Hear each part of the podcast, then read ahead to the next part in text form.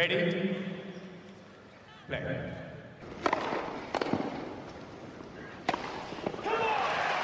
Merhabalar, Raket Servise hoş geldiniz. Ben Gökhan. Ben Anıl, merhaba. Roger Federer haftasına kaldığımız yerden devam ediyoruz. Bu ikinci Roger Federer özel bölümü. İlk bölümde çocukluğunu, sonra junior yıllarını, tenise girişini ve tenis dünyasını domine ettiği o 2003-2007 senelerini konuşmuştuk. Bugünse geri kalanından devam ediyoruz. Dördüncü bölümde Federer'in dominasyonundan biraz geriye düştüğü, yeni rakiplerini konuşacağız. Kırdığı rekorları konuşacağız bu evrede. 2008-2012 arasını konuşacağız burada. 2008'e Federer e, kafasında tek bir hedefle başlıyor diyebiliriz. Belki iki. Bir tanesi Fransa, bir tanesi olimpiyatlar. Hani diğerleri tabii ki onlar da hedefler ama onlar biraz daha arka planda hedefler. Sırf bunun için koç olarak e, Severin Lüthi'yi artık ön, e, e, geçtiği sene 2007'de almıştı. 2008'de Jose Higueras'ı katıyor takımına. Jose Higueras çok iyi bir toprakçı, eski toprakçı ve toprak kortta Roland Garros'ta koç olarak iki önemli şampiyonluğu var. Michael Chang'i ve Jim Courier'ı e, şampiyonluk kazandırıyor koç olarak. Onun için e, Federer'le e, bayağı hummalı bir çalışmaya giriyorlar. O, o zamanı hatırlıyorum ben. Sen hatırlıyor musun bilmiyorum. E, böyle sırf 2008 Yok. olan Garros'a özel böyle drop shot çalışıyordu Federer. Estori ile falan gitmişti. E, gelin görün ki 6-1, 6-3, 6-0'lık bir finalde Nadal en iyi e, maçlarından, en iyi turnuvalarından birisini oynuyor o sene. Ve de Federer'i dağıtıyor. O büyük hezimetin etkileri Wimbledon finaline de yansıyacak. O efsane 2008 finali hala kimilerince yani çoğun insan tarafından gelmiş geçmiş en iyi tenis maçı olarak bilinen o final e, Nadal'ın birden 2-0 öne geçmesiyle başlıyor. Federer hala o maçı böyle analiz etmesi isten, istendiğinde o Roland Garros finali beni çok etkilemişti. Önceden oynadığımız toprak maçlarında aldığım büyük yenilgiler beni hani psikolojik olarak çok etkilemişti. Onun için Wimbledon'da o finalde kazanamayacağımı düşündüğüm çok an oldu diyor. Ama yağmur araları derken 2-2 sonra efsane bir 5. set hava kararmak üzere e, işte o 5. sette 7-7 iken e, karar veriliyor hakem e, tarafından. Yani saha hakemi değil e, referee dediğimiz hani e, o oradaki resmi görevli tarafından 8-8 olursa maç pazartesiye sarkacak. Ama Rafa orada servis kırıyor ve 9-7 ile maçı bitiriyor. Eğer o maçı yaşamak isterseniz gerçekten çok güzel bir belgesel var. Ee, YouTube'da mevcut. Strokes of e, Genius mıydı? Strokes of Genius. izleyebilirsiniz. Ee, gerçekten çok iyi özetliyor hem maçı hem e, tenisteki diğer rekabetleri hem çocukluklarını e, çok güzel anlatıyor. Ama bu dönem artık bir değişim dönemi. Federer'in tahttan artık indirilmek üzere olduğu, elinde tek olan şeyin bir numara olduğu bir dönem ki zaten o da birkaç ay sürecek ve Nadal hatta birkaç ay bile değil bir, bir süre sonra Wimbledon'dan bir numarayı da eline geçirecek ki bunların üstüne Federer altını da kazanamıyor Pekin'de olimpiyatlarda. Nadal onu da kazanıyor. Bir teselli olarak Amerika açığı kazanıyor Federer. O da gerçekten hiç kimsenin beklemediği bir anda geliyor. Çünkü e, Avustralya'da yarıda Djokovic'e kaybetmiş. Fransa'da hezimete uğramış. Wimbledon'da çimde kazanamamış. Hani Amerika'da ne yapacak derken Amerika'da finalde Murray'i yenip kazanıyor. Bir başka teselli de tabii 2008'de aldığı o çiftler olimpiyat altını e, Stan Wawrinka ile beraber e, çok komik sevinmeleri vardı. Böyle Stan yerde donmuş mu bir şekilde yatıyordu. O da böyle üstünde böyle ellerini ısıtıyordu falan saçma sapan bir sevinmeleri vardı. bir İsviçre sevinmesi. Her maç sonu yapıyorlardı. O da kendine şu anda hala tek olimpiyat altını olarak kazandığı altını kazandırdı. Ve Nadal vurmaya devam etti yeni senede. 2009'da acımıyor. Bir de seni sert kortta yeneyim dedi. E, Federer'in böyle zaten takip edenler bilirler kariyerini. Psikolojik olarak geriye düştüğü rakiplerine bazı dönemler var. Bu o Nadal dönemiydi ki bu tabii ki uzun sürdü ama bu özellikle hani toprak dışında da yenilme büyük e, maçlarda E, bu dönem başladı ve çok yoğundu. Arka arkaya çok fazla final kaybetti. Ve 2009 Avustralya açığı kaybettikten sonra zaten olanları biliyorsunuz. Hatırlamıyorsanız, hatırlamak istiyorsanız bir de istiyorsanız kendi sesinden dinleyelim. Um,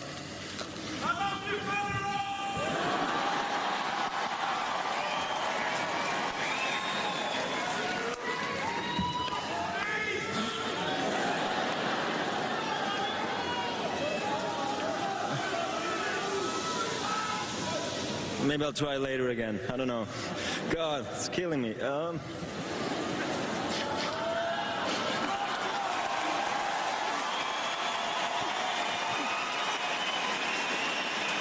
Evet burada yeni ikincilik Özetle. Ikinci, aynen ikincilik konuşmasını yapmaya çalışan ama yapamayan ağlayan bir Federer e, duyuyoruz. E, gerçekten o finalde hem onun konuşamaması hem Nadal'ın kendi konuşmasını yaptıktan sonra gidip Federer'e bir sarılması o herhalde o kareler hiç eksilmez kimsenin aklından. Ama Federer'i ilk defa orada ağladığını düşünüyorsanız çok büyük yanılıyorsunuz. Özellikle de e, Grand Slam finalinde bilin bakalım nerede e, ağlıyor. Tabii ki Avustralya'da. Avustralya'da 3 sene önce bakın e, ne durumdaymış. Bu tabii ki bir de kazandığı bir maç. Yani kazandığı bir maçtan bahsediyoruz. Bu kadar duygulanmasının sebeplerinden birisi Avustralya olması. Biri de ona kupayı veren kişinin Rod Laver olması. Bir bakın ne durumda. Like to congratulate Marcus first. Well done.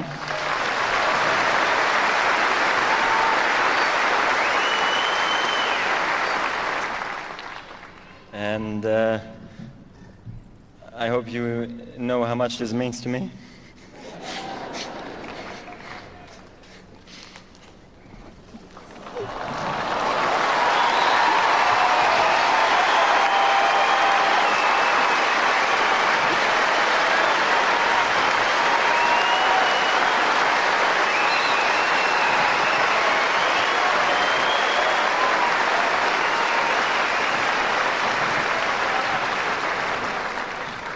It's all coming out now.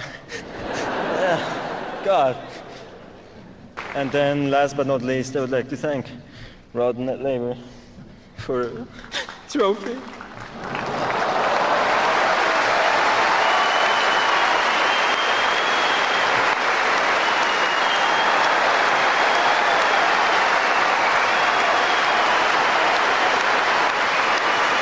Dört buçuk dakika boyunca hıçkıra hıçkıra ağlayarak zafer konuşmasını yapıyor. Bu kadar da tenisi seven bir insan. Yani her her fırsatta zaten sonra 2017'de, 2019'da değişik anlarda da göreceğiz. Ama Avustralya onun için herhalde çok çok ayrı bir yer teşkil ediyor. Onun için 2009'da kaybettiği final ekstra bir üzücü olmuş. Ama 2010, 2009 onun en mutlu senelerimden birisi dediği sene bir sene. Çünkü Roland Garros Wimbledon dublesi geliyor. Roland Garros'u ilk ve tek defa kazanıyor. Robin Söderling'e artık ne aldıysa teşekkür için. Ee, Nadal'ı Robin Söderling dördüncü turda yenmişti o sene.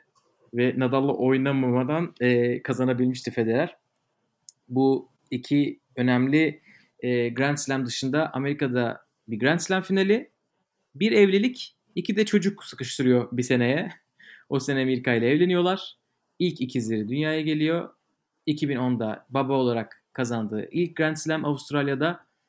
Ama işler sonra değişecek. Fransa'da e, Robin Söderling geçen sene finalde yendiği Robin Söderling onu çeyrek finalde eliyor ve efsane bir yarı final serisi var Federer'in arka arkaya 23 Grand Slam yarı finali. O orada son buluyor 2010 yılında. 23 diyoruz. Hani bunu ikinci kim ve kaç tane var derseniz ikinci Djokovic 14 yarı finaller arka arkaya. Ki şu anda o serisi bu hala devam eden bir seri değil. Ondan sonra Ivan Lendl geliyor 10'la. Ondan sonra Nadal 7 yani 23 gerçekten çok acayip bir rakam.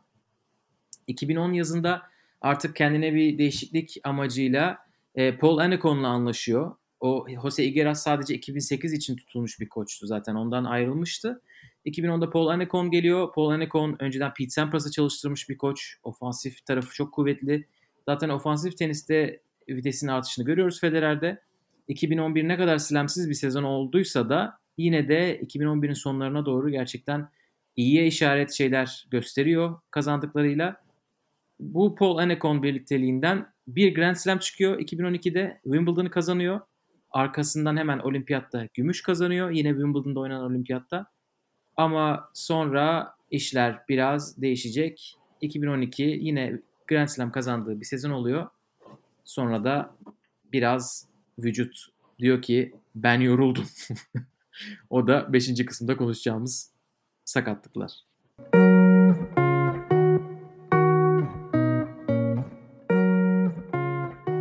Gerçekten böyle bir dönem olsa mıydı, olmasa mıydı keşme, keşke diye insan içinden geçiriyor. Ama e, hakikaten 2013-2016 arası Federer'in çok fazla sakatlıkla mücadele ettiği e, bir dönem. E, bu dönemde yaşadıklarına geçmeden önce e, bir sakatlıklarını bu dönemde hepsini bir hatırlayalım. Zaten hani eskiden Federer böyle sakatlıklarla e, boğuşmayı e, bırakın hani hakikaten e, teniste adaletsiz bir şekilde vücudu nasıl bu kadar tenise uygun olur, bu kadar oynayıp nasıl bu kadar hiç e, sakatlığa e, maruz kalmaz diye insanların üstüne yorumlar yaptığı biri. E, sadece Aynen. mesela 2003'te bir şeyler yaşıyor. E, çeyrek finalde ilk Grand Slam'ini kazanmadan önce biraz sırt ağrısı çekiyor çeyrekte Lopez'e karşı. E, birkaç ağrı kesiciyle e, o maçtan çıkmayı başarıyor ve ondan sonra devam ediyor. Yani o maçı biraz acıyla tamamlıyor ama bir maç içerisinde bir sırt ağrısı. Bir de 2003'te Bazel'de ikinci turda e, şimdiki koçu Lubicic'e karşı oynuyor. Orada biraz e, sıkıntı çekiyor. Maçı bitiriyor. 3 e, sette kaybediyor. E, bir 2008'de e, bir monosu var ciddi olarak. Ama hani evet. ameliyat gerektiren bir şey evet. şey değil yine. Yok. 2008 Paris'te e, bir sıkıntısı var. E, Paris Masters'tayken e, çeyrek finalde Blake'e karşı oynayamıyor. Ve ilk defa bir maçtan çekilmek durumunda e, kalıyor oynamadan. Maça başladıktan sonra daha bırak hiçbir maç yok Federer'in zaten. Ve tarihte hani e, bu konuda üst düzey oyuncular arasında tek bildiğim kadarıyla.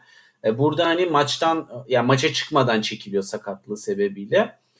2012'de Doha'da ilk artık bu e, sakatlık evresi biraz kendini gösteriyor. E, ve orada Tsonga'ya karşı bir e, yarı e, e, kaybediyor.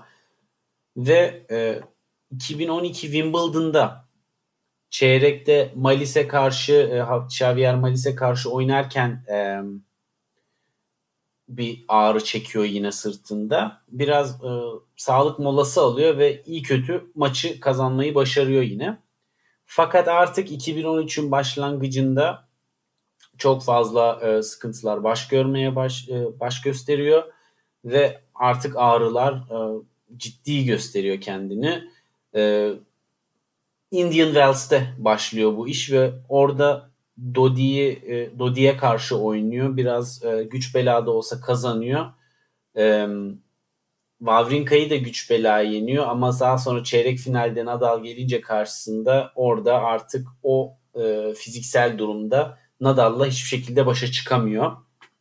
Daha sonrasında 2013'te tekrar yani toparlıyor, geri dönüyor. Gstaad'a e, Gstaad'daki turnuvaya katılıyor ve e, o güne kadar yaşadığı en büyük acıları, e, sırt ağrılarını çekiyor.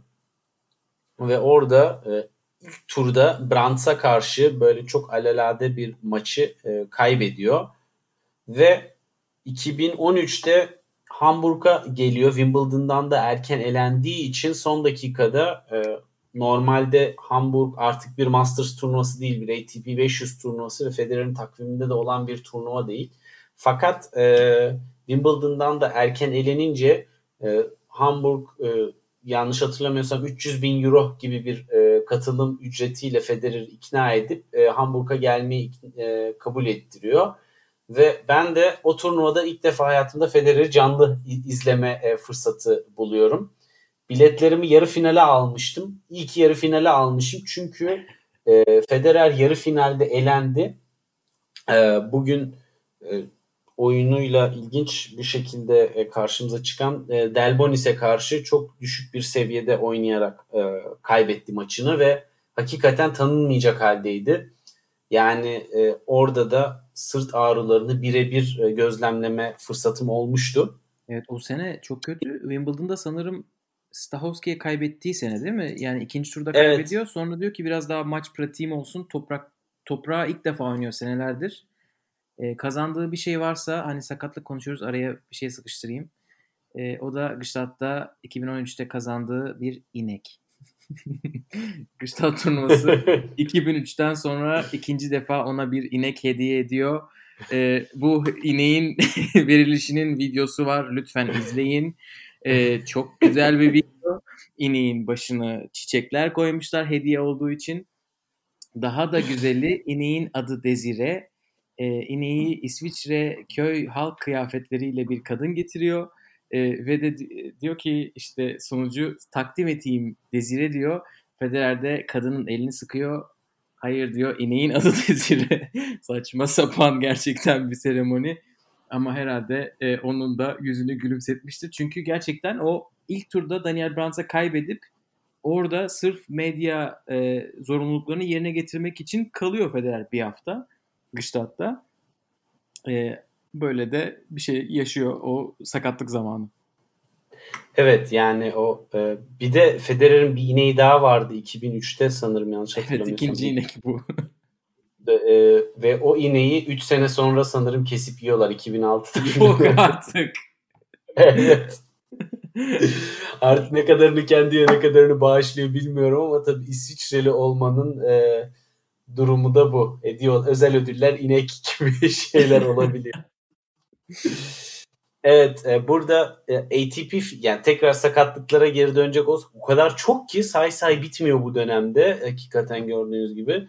2014'te ATP finallerinde bu sefer e, ciddi bir sıkıntı yaşıyor. Ama oradan toparlayıp yine Davis Cup'ta e, ki şampiyonluğuna yetişebiliyor ve e, Fransa'ya karşı olan galibiyette sahada yerini alıyor. Ve 2016'da da e, Madrid'e geliyor.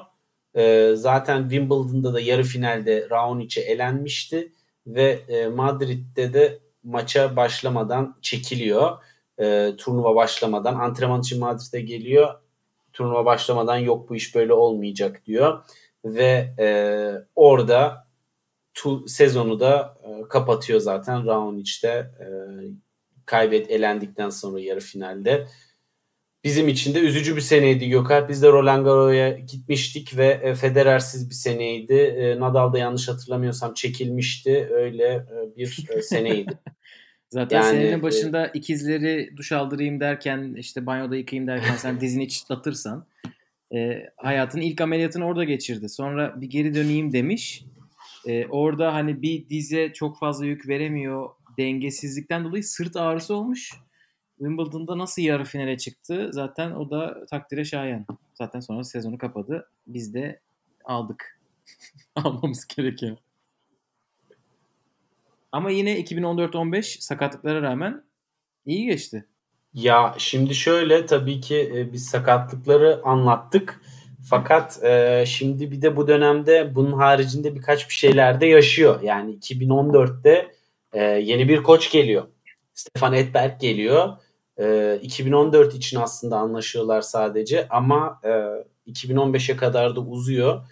Daha sonrasında Federer Stefan Edberg'i e, onun elegant oyun tarzını kendime almak için ekibime dahil ediyorum diyor. Ama tabii ki hani bu işin biraz e, anlatım ve storytelling kısmı e, volesiyle ilgili de önemli katkıları oluyor. Belli vuruş tekniklerinde de ve esasında Federer'in 2014'teki bu e, değişimden memnun ve e, 2015'te de bunun meyvelerini yiyor zaten. Bu arada Gökalp'in dediği gibi 2014'te ikinci ikizler e, geliyor ve e, sakatlıklardan bulduğu zamanı Team 8'in kurulmasında da e, rol alarak değerlendiriyor. Bugün de hala Lever Cup gibi e, ve e, birçok oyuncunun da e, menajerliğini yapan şirket Team 8 ve burada Federer'de hissedar.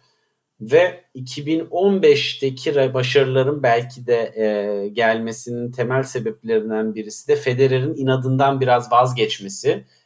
Evet konu tekrar raket ve raketin boyu.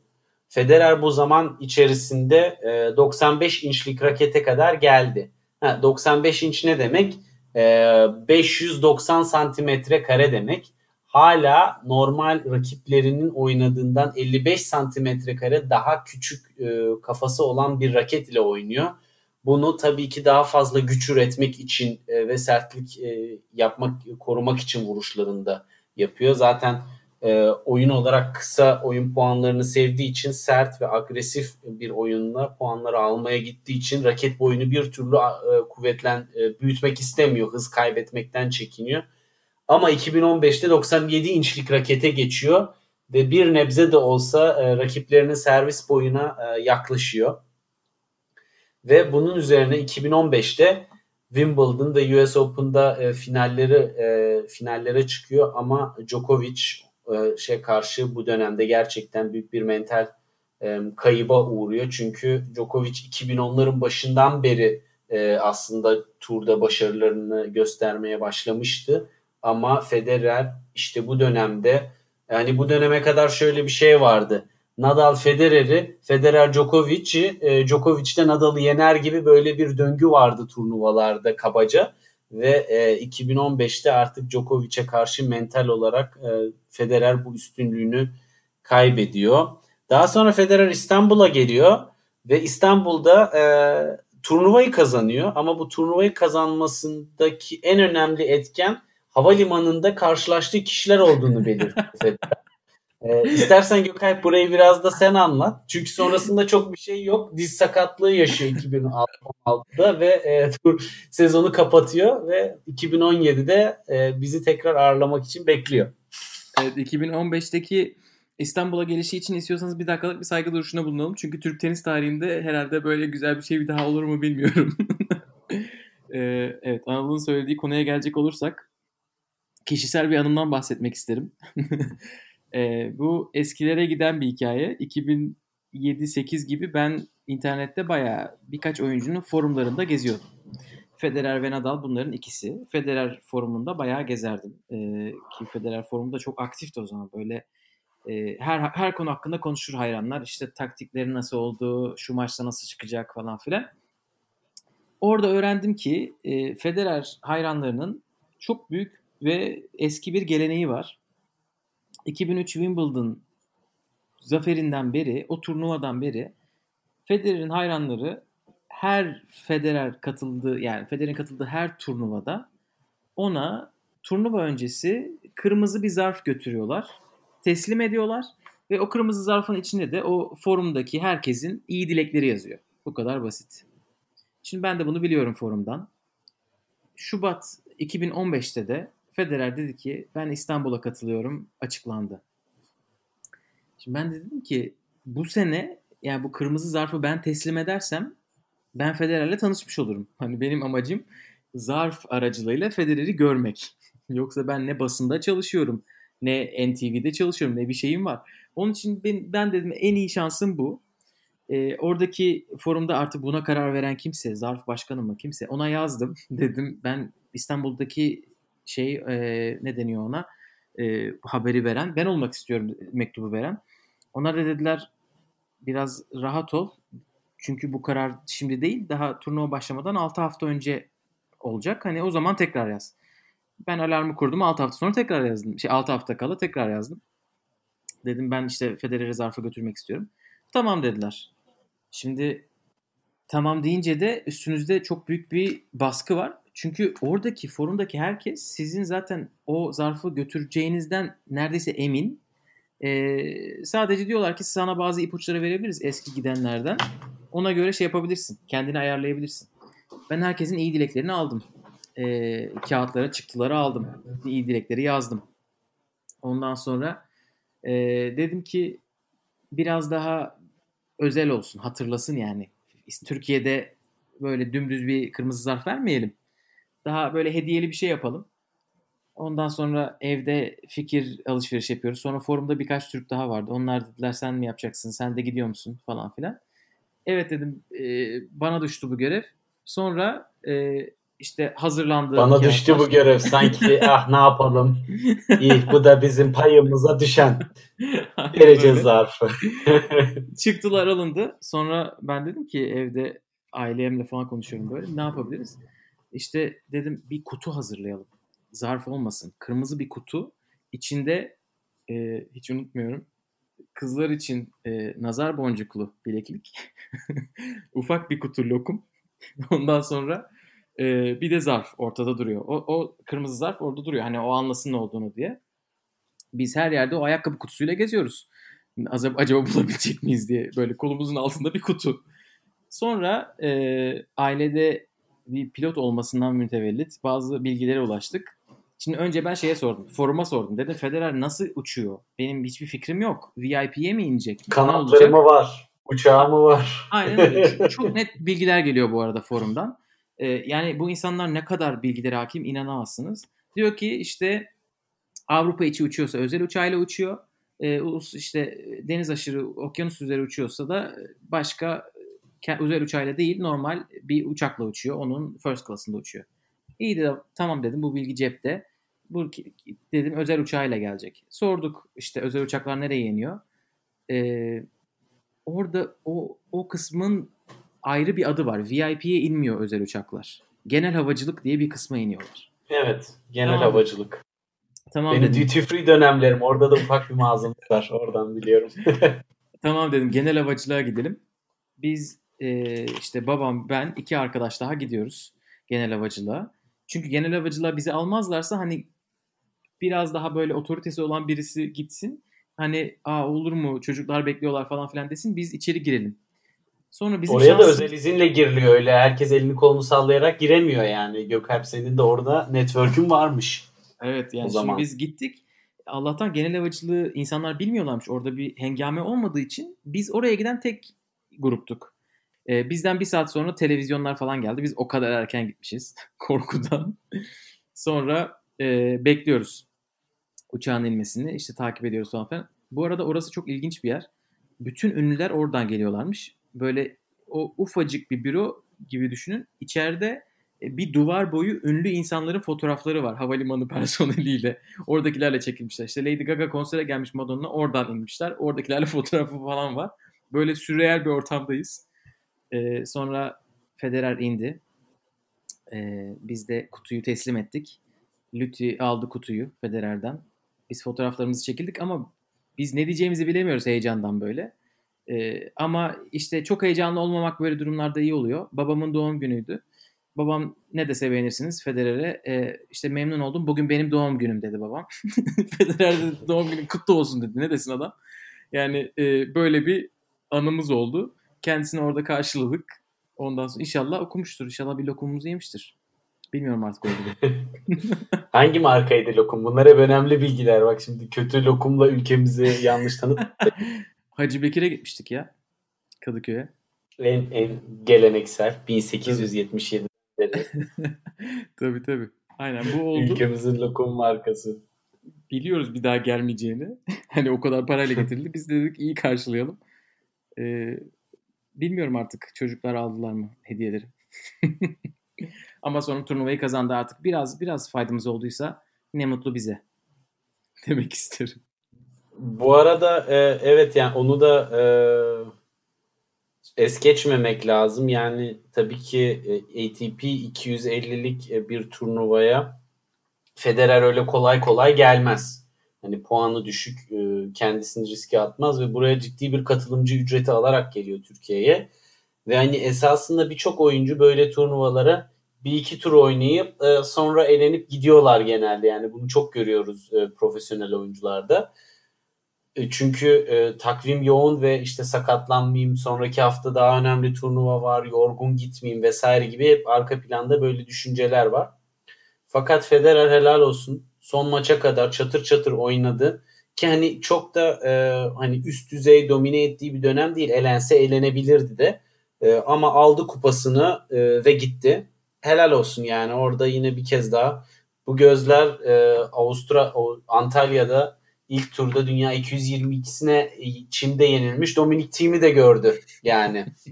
evet ve çok güzel maçlar oynadı. Yani çeyrekte de yarıda da 3 sete gitmiş olması maçların lazım öyle hatırlıyorum. Hele yarı final maçı efsaneydi. Hani Diego Schwartzman'ı herhalde dünyaya tanıtan maç o maçtır. Çünkü Federer'le oynuyor. E, çok da gençti o zaman. Ama benim aklımda kalan gerçekten abartmayayım e, en güzel şey herhalde seyirciydi. Ben çünkü hani ilk defa e, uzun zamandır diyeyim. Çünkü WTA finalleri de vardı. Hani merak ediyordum seyirci nasıl olacak.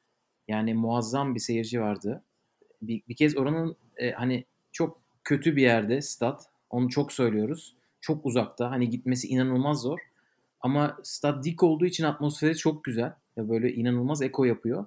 Ve insanlar hani sırf federerci değillerdi. Ve çok esprili, çok tenisten anlayan bir grup vardı. Hele o Schwartzman maçında çok Diego sesi falan duyuldu. Yani böyle bayağı karnaval havasındaydı o hafta. Onu da bir şey yapmak lazım, hatırlatmak lazım. Güzel nostalji olsun. İstiyorsan evet, bu bölümü burada kapatalım. ve traji, trajediler bölümü e, bitiyor. Çünkü Federer 2016'yı bitiriyor. Diyor ki beyler ben sakatım 2017'de görüşürüz diyor.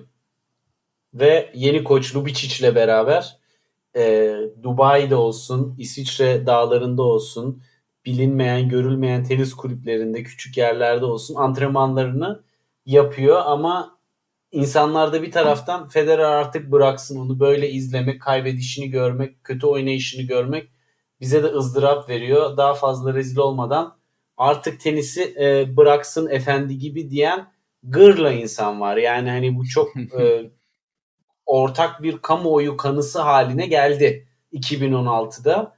Ve fakat 2017 geldi Gökay. Ve efsanenin geri dönüşü The Jedi Strikes Back mi desek ne desek bilmiyorum buranın 6. bölüme ama 2017'ye geçiyoruz burada.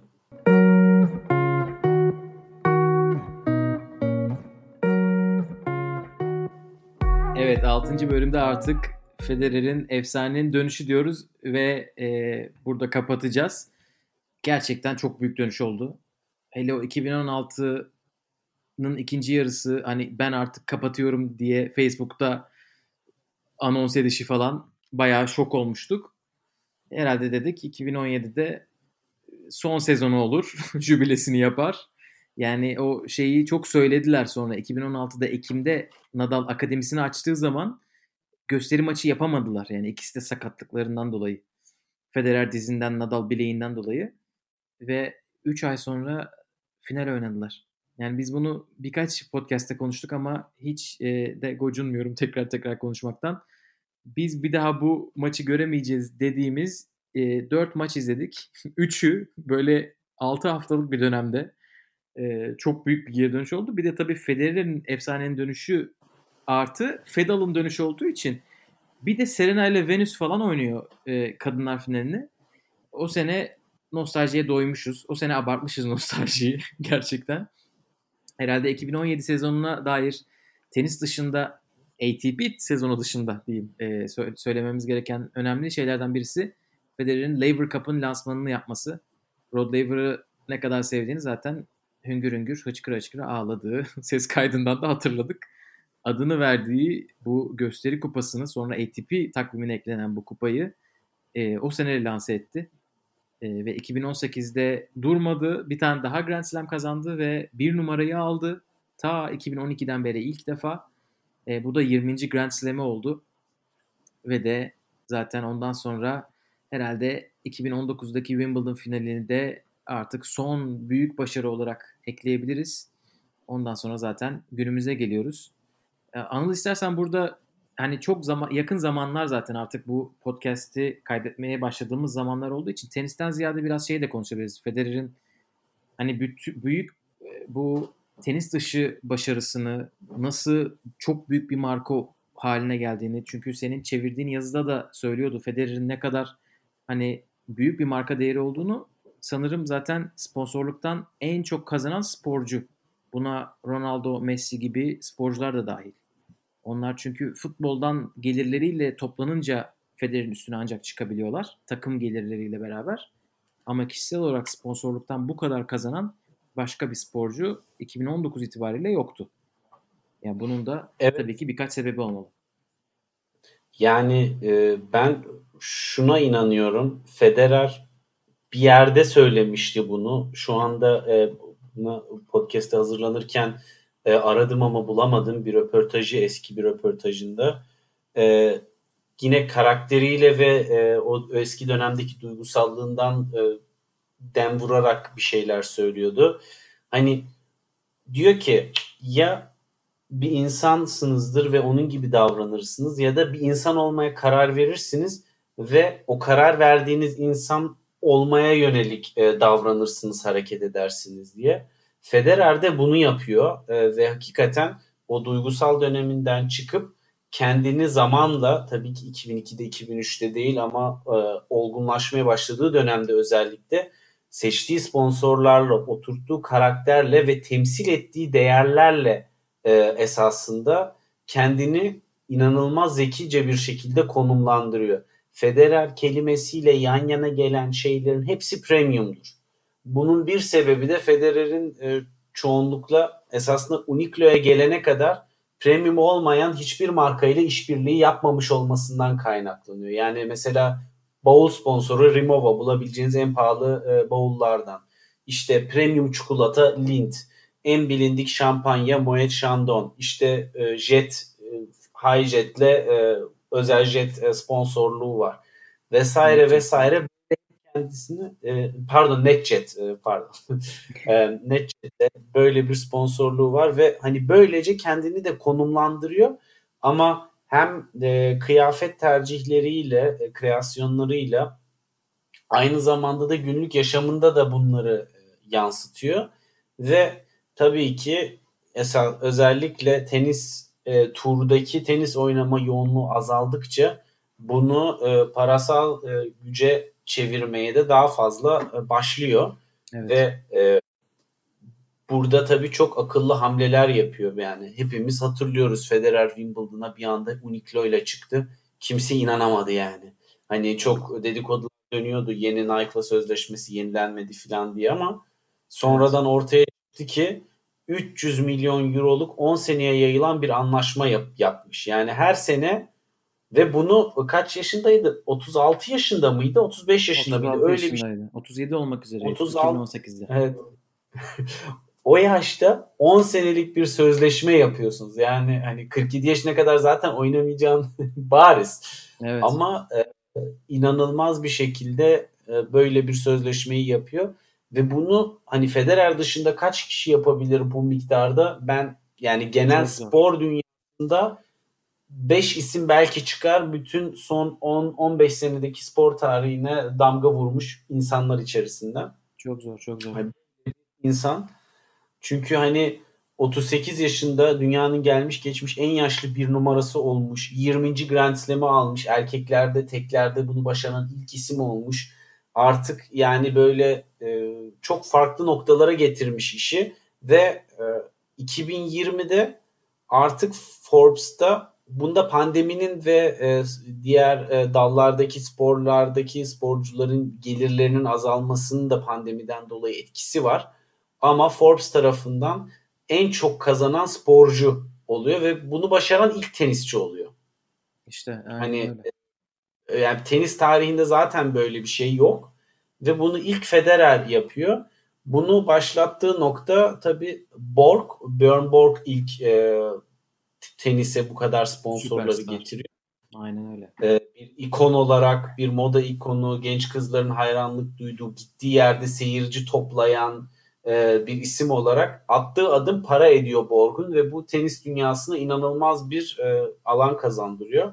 Ve ondan sonra bu o ün seviyesini bir ileri noktaya taşıyan ve tenise e, dokunduğu insan sayısını arttıran e, bir sonraki kuşak esasında Federer oluyor. Aradaki birçok büyük isim var ve onların da birçok büyük sponsorluk anlaşması var. Ama bunu bir üst noktaya taşıyan gelir olarak böyle senelik 30 milyon euro gibi bir noktaya taşıyan ve daha öncesinde yaptığı anlaşmalarla da zaten çok fazla bunu başarıyor. E, Federer Aynen. oluyor. Arada bir Agassi var ama hani Agassi ile Federer'in farkını belki Federer'in buradaki iş dünyasındaki başarısını açıklarken onun güçsüz tarafını söyleyebiliriz. Çünkü o çok spesifik bir kesime hitap ediyor. Hani çok gence hitap ediyor. Federer kadar kapsayıcı değil. Yani gerçekten çok iyi böyle Image is Everything kampanyası var işte Nike'ın. İmaj her şeydir diye orada gerçekten çok ilginç şeyler giyiyor. Ama o biraz daha hani belki modada başka bir türlü giyinenler için biraz daha hani e, değişik bir kesim diyebiliriz sosyal olarak. Federer çok büyük bir kesime hitap ediyor ve bunda birkaç şey söylüyorlar bunun sebebi olarak. Bir tanesi hani gerçekten çok böyle sempatik bir insan olmasından bahsediyor herkes. Yani herkese herkesle anlaşabilecek bir insan. İşte bu gençlikte geçirdiği o öfke krizlerinde bile rakipleri hep şey diyorlar hani bizle alakası yok zaten onun kendisiyle alakalı olan bir şey. Bizle çok iyi geçiniyor diyorlar ve bu kariyeri boyunca böyle gidiyor. Bir tanesi çok dil konuşması bu onu uluslararası pazarda çok büyük bir e, konuma getiriyor. Yani İngilizceyi çok güzel konuşuyor, Fransızcayı çok güzel konuşuyor. E, her yerde destekleniyor. E, bir tanesi hani İsviçreli olmasından çok bahsediyorlar. İsviçreli olduğu için hani her ülke onu her ülkeden insan onu gerçekten şey yapabiliyor, sahiplenebiliyor. İsviçre'nin çok dominant bir ülke olmamasından dolayı. Hani bir Alman olsaydı belki bu kadar olmazdı diyen çok isim var. Amerikalı olsaydı. Ee, Amerikan pazarı bu işlerde biliyorsunuz çok önemli. Üst üste 5 defa Amerika'yı bir de gençken kazanması onu hani Amerika'da da artık bir ikon haline getiriyor. Michael Jordan'la beraber ayakkabı falan yapıyorlar. Çok ekstrem boyutlara gidiyor oradaki popülaritesi de. Hani Amerika'da bu kadar kazanmayan dünya çapında sponsorluklarda e, böyle iddialı işlerde yapamaz e, büyük ihtimalle.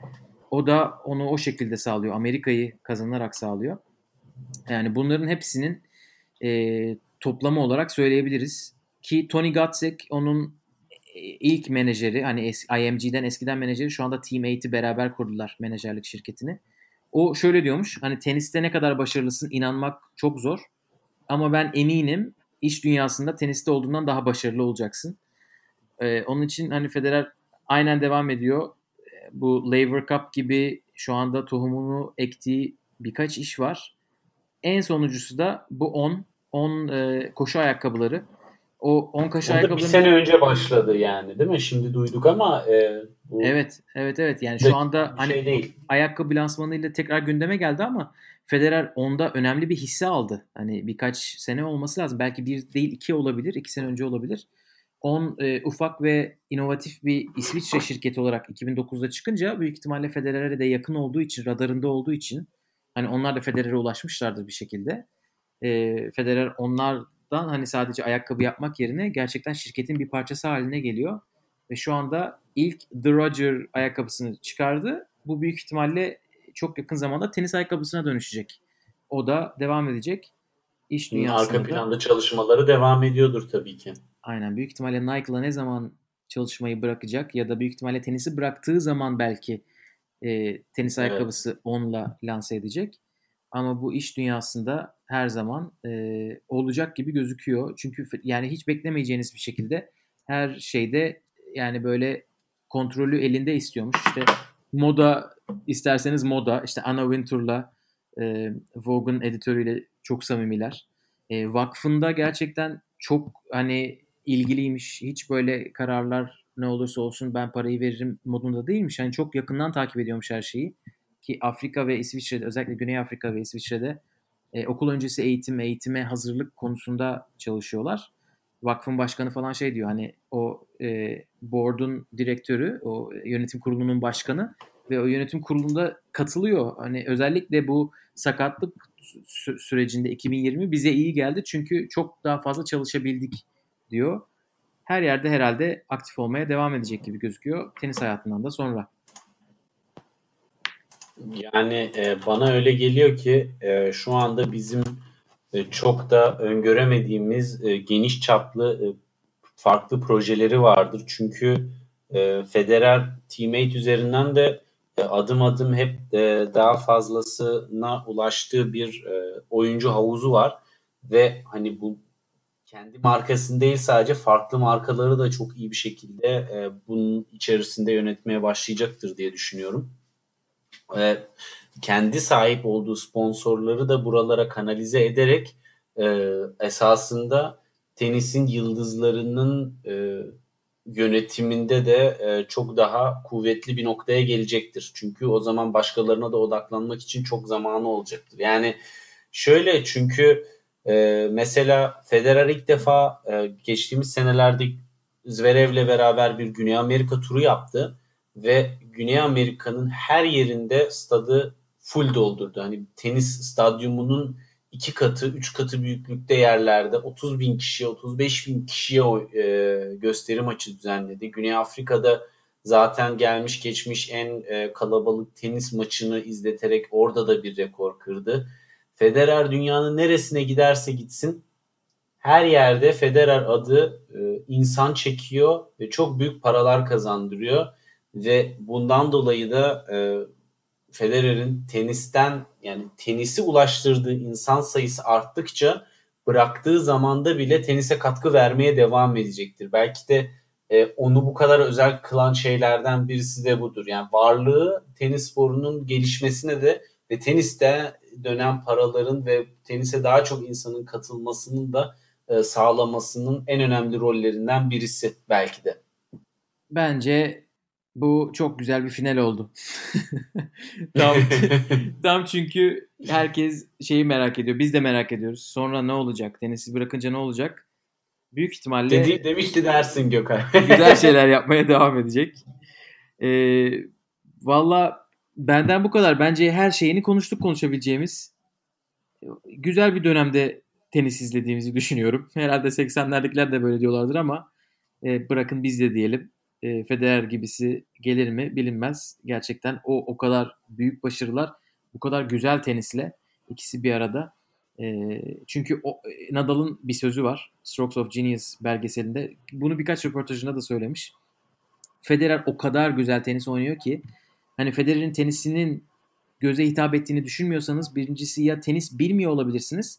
İkincisi ya diğer oyuncuların çok büyük fanısınızdır. Hani ondan kaynaklanıyor diyor. Kendisi bunu özetlemiş. Onun için biz de olabildiğince izlemeye devam edeceğiz. 2021 yılında diyeyim ben son söz olarak. Senden de alayım sonra da kapatalım. İyi ki tenisi seçmiş diyoruz ya. Yani e, Federer bizi gerçekten çok fazla güzel anının, heyecanın, duygunun, mutluluğun içerisinde var. Belki de e, hakikaten benim şahsen de tenise beni bu kadar çeken e, bir e, insan oldu. Hani Belki de biz bugün bu podcast'i yapıyorsak bunda Federer'in de katkısı vardır. Yani hani dokunduğu insanlar olarak böyle çok ölçülemeyen çok geniş bir alana yayılıyor. Ben mesela ilk tenisi e, severek izlemeye başladığım dönemlerde hayran olduğum bir isim vardı. Nikola Kiefer. Almanya'da o dönem Tommy Hans'tan sonra ön plana çıkan bir isimdi. Ve e, esasında tenisin o izleme sıklığını arttıran kişi ise Federer olmuştu. Ve eminim ki bu konuda e, yalnız değilim. E, kitleleri e, inşallah güzel yerlere doğru etkilemeye devam edecektir. Çünkü bugüne kadar hep güzel projelerin ve insanlara, insanlığa faydası olan projelerin içerisinde yer aldı. Böyle devam etsin. Çok seviyoruz kendisini. Diyelim ve bu bölümü bu duygusal noktada kapatalım. bir evet, sonraki ya beni daha fazla konuşturma. bir sonraki bölümde görüşmek üzere diyelim. Hoşçakalın. Hoşçakalın.